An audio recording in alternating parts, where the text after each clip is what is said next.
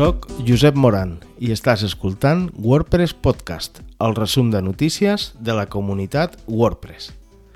En aquest programa trobaràs la informació del 30 d'octubre al 5 de novembre de 2023.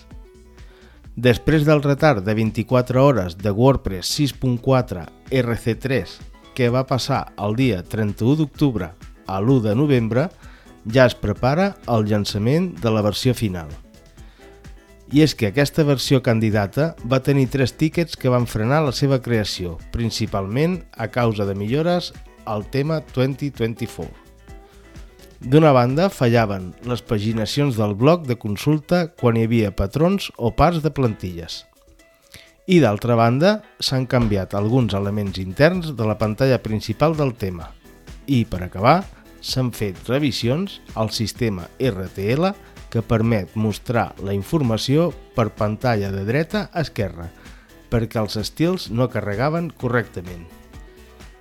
Ara que ja està tot gest pel llançament de WordPress 6.4 aquest 7 de novembre, s'està preparant l'equip que es farà càrrec de mantenir aquesta nova versió i que es redueix de les 16 persones que habitualment lideren una versió major.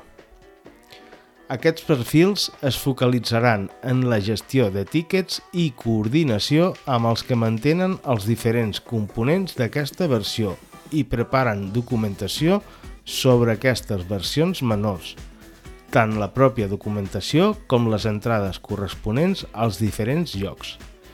I aprofitant que ja està tot pràcticament tancat, l'equip ha llançat un resum de les millores d'accessibilitat per a WordPress 6.4, que inclouen un tiquet de fa 6 anys sobre la separació dels botons de desar i esborrar un menú fins a superar les 50 millores i novetats aplicades. I el que encara no sabem és quan es prepararà WordPress 6.5. La crida de voluntaris que vulguin participar en aquesta versió no està tancada i les dates tampoc s'han decidit, encara que sí que és molt probable que el llançament pot rondar principis o mitjans del mes de febrer. L'equip de performance ja s'ha posat en marxa amb la futura versió de WordPress 6.5 i s'està treballant en millores per validar l'existència de fitxers al sistema i d'altres tíquets que afecten principalment la millora de temps de càrrega del nucli de WordPress al bloc de desenvolupadors s'ha publicat una entrada molt detallada sobre la gestió de colors als blocs i com es poden afegir opcions personalitzades de colors, afegir atributs, gradients, deixar el bloc i el seu codi o afegir estils són alguns dels elements que s'expliquen.